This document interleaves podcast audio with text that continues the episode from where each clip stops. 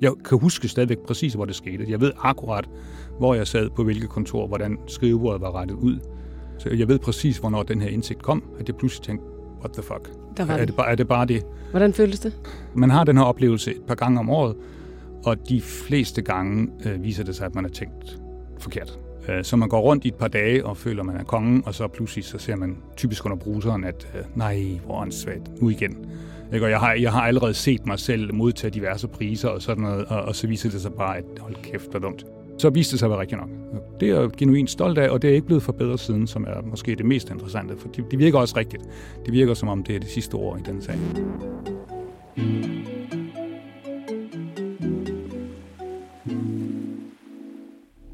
Ved du, hvor vilde opdagelser danske forskere går og gør, mens vi andre går på arbejde, til badminton eller i bad? Det spørger vi dem om i Videnskab fra Vilde Hjerner. Mit navn er Anja Setti Andersen, og jeg er professor i astrofysik og i offentlighedens forståelse for naturvidenskab. I denne podcast præsenterer jeg derfor lyttere som dig for nogle af de spændende forskningsprojekter, som videnskabsfolk arbejder med lige nu, og ikke kun inden for naturvidenskab. Nu er vi er i gang. Min medvært er redaktør Mette Holbæk.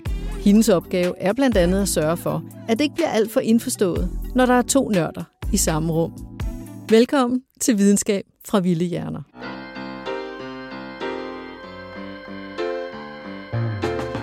I dag skal vi tale med Thor Husfeldt. Han er professor ved Institut for Datalogi ved IT-universitetet i København. Han er teoretisk datalog og forsker i algoritmer, som dybest set er en opskrift. Når vi bruger det i vores hverdag, så er det for eksempel, hvis man bruger Google Maps eller Tinder. Men Toras arbejde, det starter meget, meget tidligere i den proces. Så lyt med og hør, hvordan en datalog arbejder med algoritmer. Tore, du forsker jo i algoritmer. Og øh, jeg ville jo egentlig have troet, at det lå over på Matematisk Institut, men du er faktisk øh, datalog. Så jeg tænkte, kan du ikke lige hjælpe mig med at forstå, hvad er forskellen egentlig på datalogi og matematik? Hmm, det, der hedder snitmængden eller fællesmængden mellem de to ting, er netop algoritmer og nogle andre ting, som vi som dataloger så kalder teoretisk datalogi. Måske for dig, som har været meget på fysik, øh, jeg tror, at teoretisk datalogi forholder sig til datalogi cirka som teoretisk fysik forholder sig til fysik. Så det er en matematisk disciplin. Vi bruger de redskaber eller værktøjer, som matematikere også bruger, det vil sige øh, tavler og krit for eksempel, og definitioner og sætninger og beviser. Så på den måde er vi metodisk matematikere. Det, algoritmik kunne lige så godt have ind på matematik. Det er jo tilfældigheder i sådan en videnskabssociologisk ting, hvad der, hvad der netop var hipt i 60'erne. Og jeg tror, hvis nogle matematiske institutter i 1960'erne havde truffet nogle andre beslutninger, så ville algoritmik eller algoritmeteori i dag ligge på matematiske institutter. Men det gjorde det ikke af tilfældigheder. Så tror jeg, vi bliver nødt til at hjælpe lytteren lidt med, hvad, hvad vil det så sige at forske i algoritmer, og hvad er en algoritme? Jeg plejer bare at sige, øh, tænk på det som en opskrift. Så, så, en, så algoritmen for at lave en chokoladekage er de skridt, man skal gennemføre for at komme fra input, altså æg, chokolade, kakao, pulver, mel osv., til den færdige chokoladekage. Så det er, det er en række skridt, som alle sammen er forenklinger af målet. Målet er at lave en chokoladekage, og de enkelte skridt er tre æggeblommer. Og hvad er det de skridt, vi man så også igen kunne forklare i lidt større detaljer, hvordan åbner jeg et æg, og hvordan separerer jeg æggeblomme fra æggevidde osv. Så det er en forenkling af et lidt, lidt større mål, for eksempel til vejebringe en chokoladekage, udtrykt i nogle lidt enklere mål. Så det er en algoritme. Der, der er mere at sige selvfølgelig, men for 90% af samtalen kan man bare forveksle algoritme og øh, opskrift, madopskrift. Nu laver jeg ikke chokoladekager, men jeg, jeg løser hvis man er gammel nok, så man går i skole og har lært at gange to tal sammen med papir og blyant. Det er også en algoritme. Det er også en metode, som bryder det store problem, at gange to rigtig store tal sammen, ned til mindre problemer med at tage gange mindre tal sammen, og så lægge dem sammen. Algoritmen for multiplikation er måske en mere rimelig måde at forstå en algoritme på. Den er, den er tættere på min virkelighed, fordi jeg ikke laver kager. Men hvordan laver man så sådan en helt lavpraktisk grundforskning i algoritmer? Altså, har du et mål, hvor du sådan tænker, om jeg vil gerne forstå et eller andet, og så udvikler du en algoritme, eller er det algoritme i sig selv, hvor du laver sådan en generel algoritme? Det er det, jeg tænker, du laver, som kan bruges på mange forskellige ting. Ja, og der, der er mange måder at gøre det. er den der gamle vidighed med, hvor man skal lede efter sine nøgler. Hvis jeg har tabt mine nøgler, så kan jeg enten lede der, hvor jeg tror, jeg har tabt dem, eller så kan jeg lede efter dem der, hvor der er lys. Øh, og jeg er den slags algoritmeteoretiker, som leder, hvor der er lys.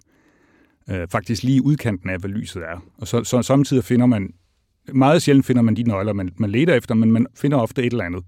Og så vil jeg kigge meget, meget nøje på den der grænseflade mellem, hvor der er lyst og hvor der er mørkt, så opdager man nogle ting, som man, som man ikke forstod først. Øh, men der findes også den anden måde at være algoritmiker på, hvor man har et konkret problem i et konkret domæne, som man gerne vil løse, hvor de forhåndværende teknikker ikke er nok, og så skal man typisk file på de eksisterende algoritmer for at for at få det konkrete problem løst. Det kan man også gøre, men det gør jeg så lidt mindre. Hvad betyder lys og mørke i det, du mm-hmm. sagde der? Er det ja. det, vi ved, og det, vi ikke ved? Eller det, det er stort set det, vi ved, og det, vi ikke ved. Så algoritmikken, ligesom de fleste andre øh, videnskaber, som ligger et eller andet sted på grænsefladen mellem naturvidenskab og, og ingeniørskunst, øh, øh, producerer flere og flere værktøjer, intellektuelle værktøjer, redskaber til at løse problemer. For eksempel at gange to tal sammen. Det har vi kunne gøre et, et par tusind år, øh, og andre ting, dem, de, dem har vi så kun kunnet i en 50 år, eller 100 år, øh, eller 10 år. Og den her værktøjskasse, den bliver så lidt større og lidt større, hverken så nogen som mig får en god idé. Og for det meste er det ikke nogen god idé, så den havner ikke i værktøjskassen. De fleste af ting vi er enten noget, man allerede har. Hov, endnu en skruetrækker. Men, men samtidig finder man på noget, man ikke havde endnu. Så lægger man det i værktøjskassen, og så er der måske nogen, der har brug for præcis det værktøj. Hvor i, i lige præcis den her form for videnskabshistorie træder du ind? Altså, hvor, hvorfor fascinationen af det her? Hvad bygger du videre på? Der er både et domænesvar og et metodesvar. Så, så det domæne, jeg arbejder i, den type algoritmer, som jeg mest tænker over, er såkaldte grafalgoritmer eller netværksalgoritmer. Og der skal vi forklare, hvad en graf og et netværk er. Alle har en grafalgoritme i lommen i deres mobiltelefon for at finde en kort vej fra A til B. Jeg har lige brugt den for at komme herhen, for at komme fra ITU på Amager øh, til, øh, til Frederiksberg Allé, tror jeg. Så har jeg angivet de to, øh, de to adresser, og så er der et lille program på min telefon, Google Maps, som finder en, øh, en kort rute gennem det københavnske metrosystem, som minimerer afstanden mellem de to punkter. Så det er et konkret eksempel på en grafalgoritme, som alle har i lommen. Jeg har lært om den her i øh, sidste år 1000, må det være, cirka ved omkring murens fald, øh, som, som en af mange andre grafalgoritmer i, i øh, førsteårskurset i, i grafalgoritmik på datalogi i Aarhus. Og de var alle sammen lige, hvad skal vi sige, nørdede eller unødige, men også meget elegante. Så det er, det er et meget elegant problem at formulere, at komme fra A til B i sådan et netværk, som for eksempel kan være et rutenetværk for metroen. Øhm, og lige netop den algoritme har nu, ja, min mor har den i lommen øh, og, og bruger den hele tiden. Mens mange af de andre algoritmer, som jeg lærte dengang, de er, dem har jeg ikke i lommen. Men rent matematisk er de på mange måder ens. Nogle af dem har bare utrolige anvendelser og andre har ikke. Så, så det er det ene. Jeg laver altså de her såkaldte grafalgoritmer. Og metodespørgsmålet er, at de tungeste resultater, jeg har, de oversætter de her grafteoretiske spørgsmål, altså spørgsmål om, hvordan jeg finder en vej eller en anden struktur i en graf eller et netværk, oversætter den til et stykke algebra. Algebra er en klassisk disciplin inden for matematikken, øh, som jeg blev meget optaget af, da jeg læste matematik i Aarhus. Øh, utrolig elegant, øh, og jo med en flere hundrede år gammel tradition af meget, meget snedige idéer, som nogen har haft. Så vi har fået en del gode resultater ud af at oversætte grafteoretiske problemer til problemer inden for algebra, og så kan vi bare boldre os i den enorme værktøjskasse, som nogle algebraikere har fundet frem til måske for 100 år siden, uden at ane, hvad, hvad den anvendelse har været. Så det her er i sig selv et godt eksempel på sådan en rigtig grundforskning, hvor jeg har et grundforskningsproblem, som jeg løser ved at finde noget i en værktøjskasse, som nogen anden har fundet frem til ved egentlig bare at kigge der i grænsefladen mellem, hvor der var lyst og hvor der var mørkt. Og du har sagt elegant et par gange. Hvad mener du med det? Altså, hvad er elegance for dig i den her kontekst? Ja, for det er et æstetisk spørgsmål. Øh, som, som matematiker er man, eller når man tænker som jeg, meget optaget af meget rene, klare, pæne, elegante formuleringer. Det er en æstetik, som I sikkert hører ofte, når I taler med matematikere, at, vi, at der er en eller anden idé om, at noget, som er kønt og enkelt at forklare og fremstille, det må på en eller anden måde også være sandt. Vi er frastødte øh, af argumenter, som er komplicerede eller, eller hopper mellem forskellige abstraktionsniveauer eller kræver en masse specialtilfælde. Man kan vel sige, at det er noget med afkodning at gøre i virkeligheden, ikke? At hvis man kan skrive det op på sådan en enkel formel, hvor læseren, hvis man kan noget matematik, med det samme kan afkode, hvad det går ud på, så er det vel egentlig smukt i en eller anden forstand. Ikke? Og, og det harmonerer godt med mange fysikers intuitioner også, om at når der er noget, som har en virkelig køn formel, så må det være en korrekt beskrivelse i virkeligheden. Men matematikken er jo der måske endnu mere ren, fordi vi ikke nødvendigvis behøver at forholde os til virkeligheden. Så det der æstetiske perspektiv har, har virket udmærket for mig. Det kan være, at man bliver fristet ligesom sådan en, af en sirenesang hen, hen mod det enkle.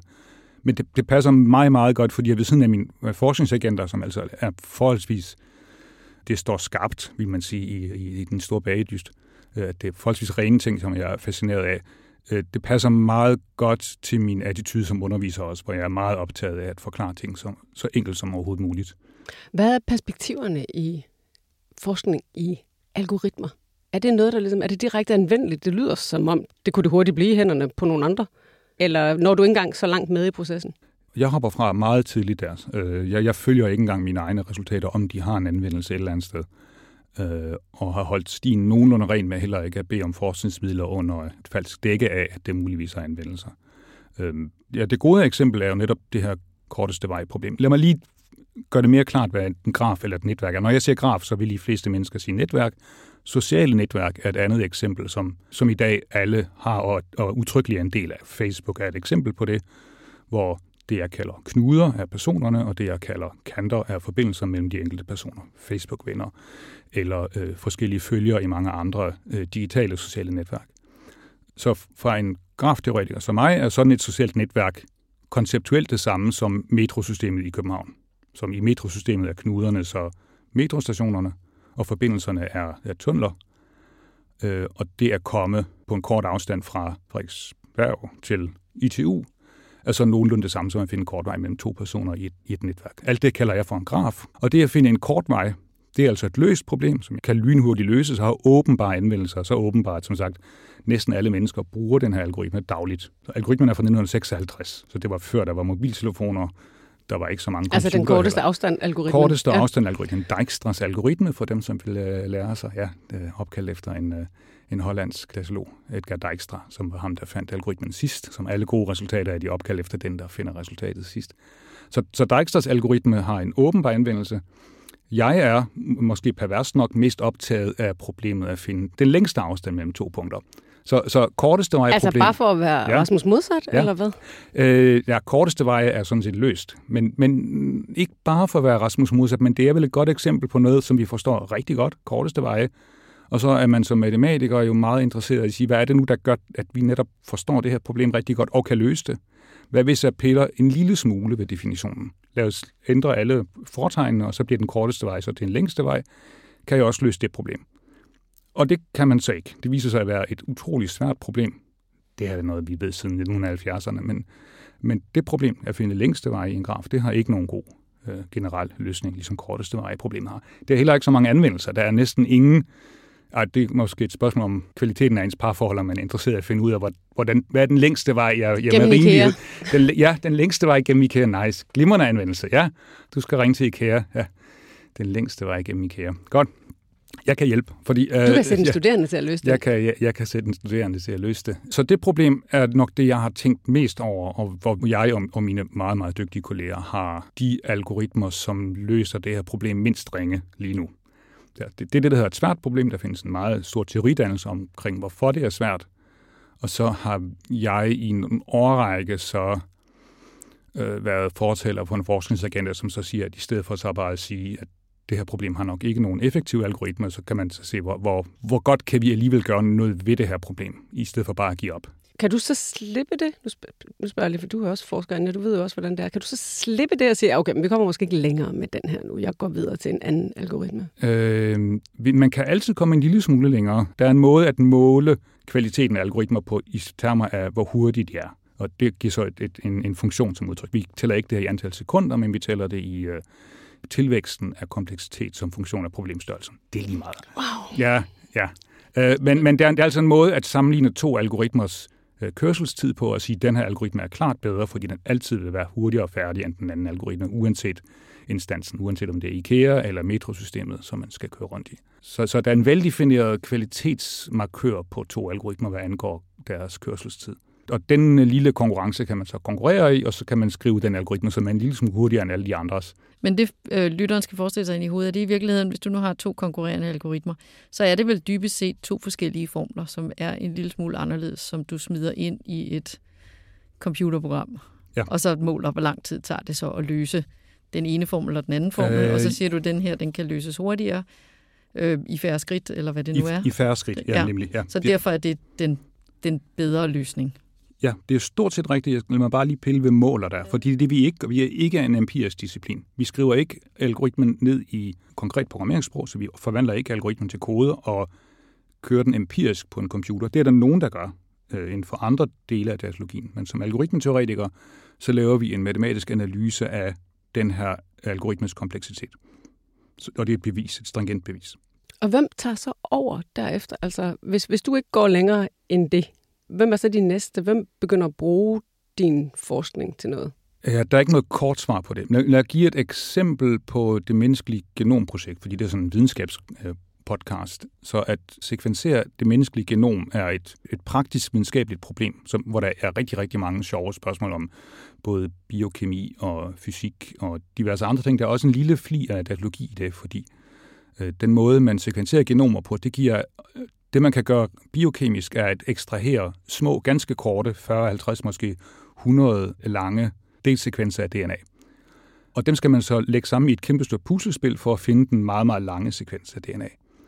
Og det er så et veldefineret beregningsproblem, hvor input altså er de her forholdsvis korte sekvenser, og output er det unikke puslespil, som man kan lægge af de her korte sekvenser. Det er et beregningsproblem, så nu har vi, nu er vi ude af laboratoriet og er nu ved en tavle eller ved en computer og får alle de her stykker tekst ind og skal sætte dem sammen. Beregningsproblemer, de falder stort set i to kategorier. Dem vi kan løse, og dem vi ikke kan løse. Og så nogle som mig, vi er rigtig gode til at kigge på problemer og sige, at det her kan vi ikke løse, vi skal gøre noget helt andet. Nu er der to måder at forstå genomprojektet på. Det ene er, at en masse biokemikere gik i gang med at finde stumper af DNA, som tilfældigvis endte med at være et godt problem for en datalog at løse til sidst. Sådan var det ikke. Hele projektet går den anden vej. Man spørger først datalogen, hvad er det for nogle beregningsproblemer, som vi lige akkurat vil kunne løse? Så hvad skal du bruge? Hvor lange må de her stumper være? Hvor mange må der være, for at det her kan komme i hus? Og det ved datalogen så godt, fordi datalogen har styr på værktøjskassen, ved hvad der er af værktøjer i den, og siger, vi skal bruge det her. Og så går øh, biokemikerne og øh, øh, praktikerne så i gang med at lave de processer, som ender med et beregningsproblem, som er lige akkurat let nok til, at det stadig kan løses. Så det er et godt eksempel på, at datalogien virker som en slags linse eller som en, som en begrænsning for, hvad der kan lade sig gøre, som så informerer de andre videnskaber med at finde ud af ting. Og det er altså interessant nok det omvendte af, end at nogen går hen med et konkret beregningsproblem og siger, løs det her. Fordi så er det ofte for sent, fordi for det, ofte må vi bare trække på skulderen og sige, det, det er der ingen, der kan. Altså jeg kunne egentlig godt forestille mig, at det, du laver med den længste vej, kunne være meget anvendeligt inden for astrofysik. Fordi vi ved jo, at den korteste vej fra en eller anden fjern galakse, at lyspartiklen skal komme ned i vores teleskop, det er jo en ret linje. Men vi ved også fra Einsteins generelle relativitetsteori, at rummet krummer. Og nogle gange er afstandene så store, så der ligger en galaksehob, der måske består af tusind galakser, som krummer rummet på forskellige vis på forskellige veje for de forskellige lyspartikler. Så nogle tager den korte vej, de kommer direkte, men nogle de bliver simpelthen afbøjet af adskillige galakser, inden de når frem til os. Og der kunne det nemlig være interessant, tænker jeg, så prøve at finde ud af, hvad er den mest ekstreme vej, ja. en lyspartikel kunne risikere at tage. Fordi det vil jo så forudsige noget om, hvordan vil den se ud, og nu har vi fået det nye James Webb rumteleskop, ikke? og så, så vil vi måske i virkeligheden kunne bruge det til ja. en idé til, ja. hvad vi skulle kigge efter. Ja. Ikke? Det er et glimrende eksempel. Et andet eksempel er, at Øh, længste vej-problemet på en eller anden måde bare er et prototypisk eksempelproblem på en hel pose af problemer, som minder meget om længste vej-problemet. Så en vej i en sti, det kan man tænke som en øh, slags halskæde, som man er klippet over, så det er en sådan en perlerække på en snor. Men der er selvfølgelig meget interessantere struktur, som man også gerne vil lede efter, ikke mindst i øh, øh både DNA- og proteinbaserede øh, biokemiske øh, områder, hvor det ikke så meget er den her halskæde, som er det interessante, men en anden struktur. Og alle de problemer, dem kan jeg som datalog reducere til problemet at finde en længste vej. Så det er en anden måde, at som datalog rigtig godt kan lide at forstå verden på, at vi har et kæmpestort flerbindsleksikon af interessante beregningsproblemer, og meget af det, vi bruger tiden på, det er at reducere dem til hinanden, i den forstand, at det her problem er egentlig bare en udgave af et andet problem, og med forholdsvis få fiksfakserier kan få det oversat til en kort liste af rigtig svære, skal vi kalde dem prototypiske eller kanoniske problemer, og længste vejeproblemet er et af dem.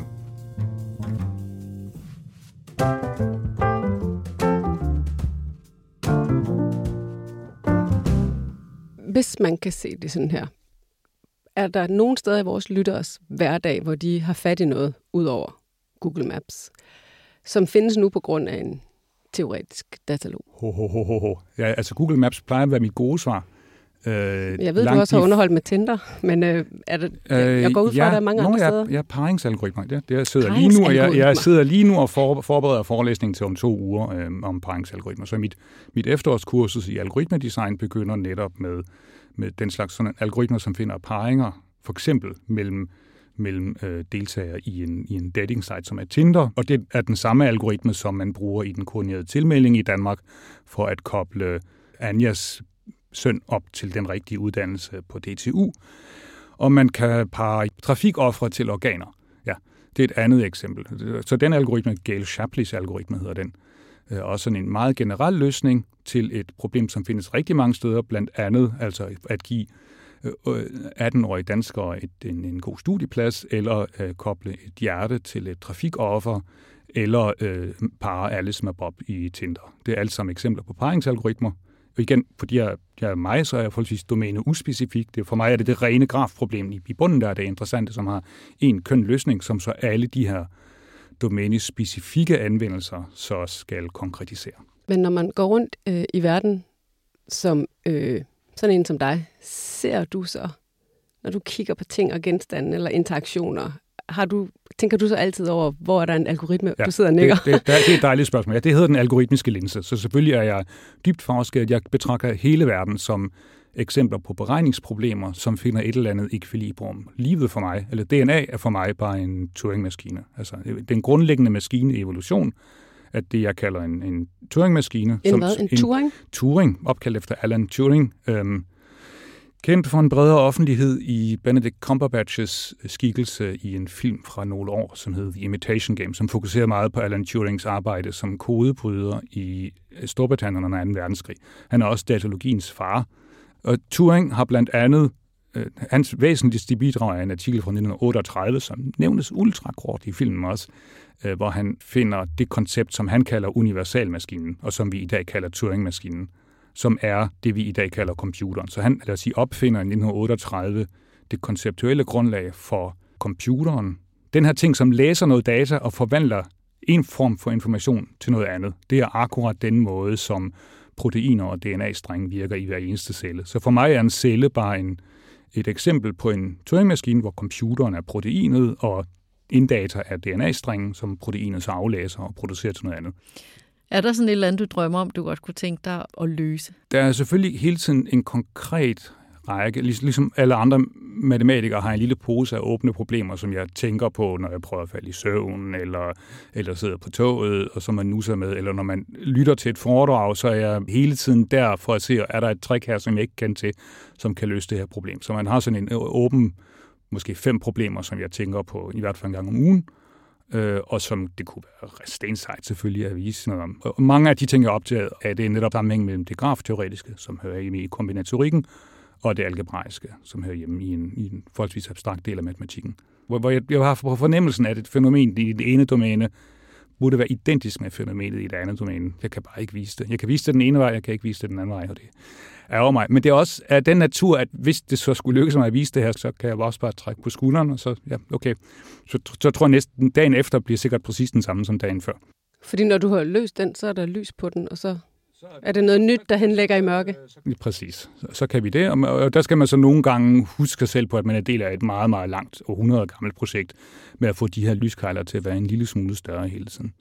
Jeg, jeg er også tilstrækkeligt meget Øh, så jeg er både algoritmeteoretiker, men jeg er også meget fascineret af det, der hedder beregningskompleksitetsteori, som prøver at etablere det modsatte. Så det er selvfølgelig en lille smule sjovere og mere optimistisk at udvide livskejlen, men der er også en øh, meget interessant del af datalogien, faktisk det, der tiltrak mig først til datalogien, som hedder beregningskompleksitet, som er det modsatte, hvor man viser matematisk stringent, at visse ting vil forblive for evigt uoplyst, hvor der er øh, umulighedsresultater, typisk inden for de, dem arver man fra logikken, som viser, at visse ting, dem kan vi altså aldrig beregne. Goethes sætning fra begyndelsen af 1900-tallet er et eksempel på den slags ting. Er det lidt ligesom dit uh, sorte stof, Anja? Ja, eller singulariteter, tænker jeg, ja. inde i sorte huller, ja. ikke? Hvor, hvor de matematisk ikke kan beregnes, så derfor ved ja. vi ikke, hvad der foregår. Hvad er den, sådan, øh, hvad er den vildeste tese, du har haft, som det lykkedes dig at bevise? Øh, det resultat, jeg er mest stolt over, er øh, graffagning. Og det kan man også visualisere, hvis vi tager et landkort og gerne vil farve de forskellige lande med forskellige farver, sådan at der ikke er to lande ved siden af hinanden, der har samme farve.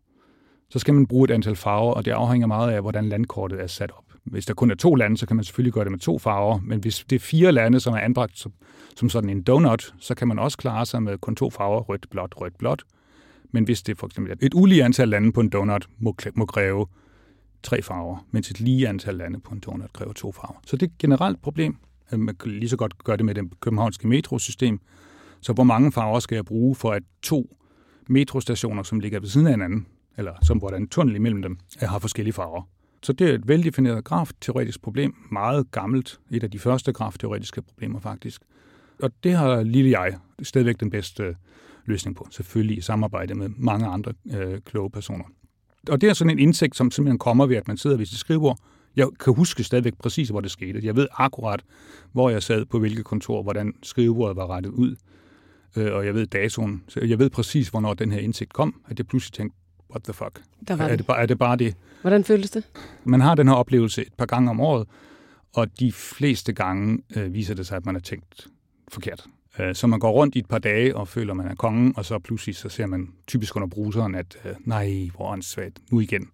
Ikke? Og jeg har, jeg har allerede set mig selv modtage diverse priser og sådan noget, og, og så viser det sig bare, at hold kæft, hvor dumt. Ofte er det i konfrontation med papir og blyant, når man skriver det ned. Det er dog en social aktivitet i den forstand, at man øh, kan snakke det igennem med nogen, som har samme baggrund. Øh, så jeg havde den her eftermiddag, hvor jeg havde resultatet, ikke troede på det, og så fik jeg min meget, meget dygtige øh, medsammensvoren Andreas, som jeg har lavet rigtig mange resultater sammen med, hurtigt hen på mit kontor, og så snakkede vi det igennem, og han troede stadig ikke på det, men så, så, så viste det sig at være rigtig nok. Det er jeg genuint stolt af, og det, har ikke, det er ikke blevet forbedret siden, som er måske det mest interessante, for det, de virker også rigtigt. Det virker som om, det er det sidste ord i den sag. Fantastisk. Når så du har løst den der med farverne, ja. med de fem lande rundt om donutten, Slipper du det så der? Er du ikke interesseret i, hvordan nogen arbejder videre med det, du så har konkluderet der? Øh, der er mere arbejde netop for fem farver. Netop for fem farver er det lige blevet forbedret af en meget ung øh, israeler, som nu er på Princeton forresten.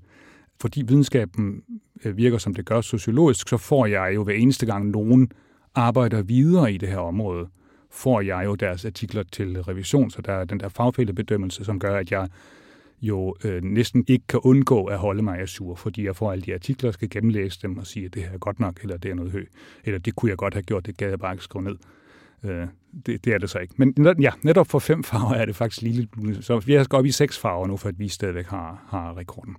Netop det her seneste resultat er også et resultat af den natur, som jeg ikke selv havde givet, fordi det er godt nok svært.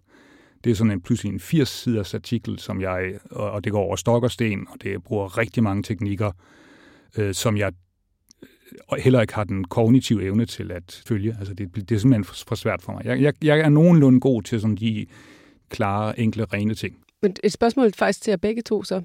Er det så tilfredsstillende nok, når man er forsker? Man når så vidt, og så som du siger, så har man simpelthen ikke øh, kognitiv båndbredde til at få den længere, eller man kan ikke bruge så mange timer på det. Og Anja, du har måske de samme oplevelser. Er man så lige så glad? Altså, så er der nogle andre, der arbejder videre med det, og så udvikler det øh, Jeg er. Det præger mig meget, at jeg er den dummeste person i rummet, når jeg er blandt mine forskerkolleger. Og, og det har jeg det fint med. Så jeg synes, det er et enormt privilegium at være omgivet af sådan nogle mennesker, som, som tænker dobbelt så hurtigt. Altså Men det er som, en ob- objektiv øh, kategorisering? Ja, det, det, det tror jeg nok. Selvfølgelig er det også det, at når man bliver øh, sådan seniorforsker, så er der en masse forvaltning og politik og undervisning, som tager enormt meget båndbredde. Altså ret de der 325 eksamener, det tager tid og båndbredde, og man er kognitivt udmattet, mens man selvfølgelig som ung postdoc, og man er 27, øh, og man har ingen venner, øh, bare kan tænke i de der 50-60 timer om ugen over samme problem. Så kommer man selvfølgelig længere, men, men en kognitiv forskel er, en, er helt klart en del af virkeligheden. Jeg synes, det er fedt, og andre knækkes fuldstændig af det. Men du lider nok også lidt af imposter syndrom, som vi jo er mange, der lider af. Men det er klart, at når man har mindre tid, så når man jo også mindre. Men i virkeligheden, altså jeg synes personen, der er noget enormt tilfredsstillende, hvis nogen arbejder videre med det. Altså hvor man har lagt en brødkrum, og så er der nogen, der finder ud af, hvad den næste brødkrum er, fordi så betyder det jo, at man faktisk var med til at lægge et spor. Det værste, der kan ske, det er jo i virkeligheden, hvis man smider en artikel derud, og så er der faktisk ikke nogen, der downloader den, og der er ikke nogen, der læser den. Og så kan ja. det godt være, at man har, man har lagt et spor, men det var en, et blindt spor på ja. en eller anden måde, Nej. som ikke rigtig interesserede nogen. Altså, så jeg vil egentlig hellere have, folk arbejder videre. Og så er der jo også det, at som Tore jo så smukt forklarede det der med, man har jo altid sådan fem ubesvarede spørgsmål, man går med. Og hvis man så finder svar på den ene, så er det jo enormt tilfredsstillende, fordi så er der jo stadig fire tilbage, man kan gå og tænke over. ja. Og i mellemtiden har man jo også fundet to andre, man også gerne vil svare på. Altså, så, så det er faktisk også ret skønt, at der bliver sådan nogle ting, man kan lægge fra sig, og så tænke, nu har jeg nu den givet barberet, nu kan jeg ligesom komme videre og, og arbejde med noget af det andet. Ikke? Ja, og, og der er selvfølgelig også en generationsting i det, at jeg er efterhånden, altså, hvad, hvad kan jeg bruge min tid bedst til? Ikke? Og jeg er efterhånden en lille smule bedre til at søge om forskningsbevillinger, end man måske er som 27-årig øh, postdoc. Så det, min, min tid er bedre brugt, at jeg finder penge til, at, at øh, yngre mennesker kan, kan, kan forske. Så, og det synes jeg er helt fint. Men, men jeg, jeg, jeg er enormt stolt over, at der sidder nogen i Princeton, øh, to kontorer længere henne fra Einstein og, og Turing, og, og tænker over ting, som, som, som jeg har lavet. Det, det synes jeg er fedt. Tusind tak for i dag. Det var virkelig spændende. Det var dejligt at få, snakke, få lov til at snakke om, om sin egen forskning. Du har lyttet til Videnskab fra Vilde Hjerner. En podcast om danske forskeres jagt på forklaringer, svar og løsninger. Lærte du noget spændende? Forstod du noget nyt? Så send podcasten til en nysgerrig ven. Eller del den med alle dine venner. Dit like, dine stjerner og din anbefaling vil få endnu flere til at opdage serien. Og så bliver vi alle sammen klogere. Denne podcast-serie er produceret af Benjamin de Sousa for Niels Bohr Instituttet. Tilrettelagt af Mette Holbæk og mig, Anja Setti Andersen. Videnskab fra Vilde Hjerner er støttet af Novo Nordisk Fonden.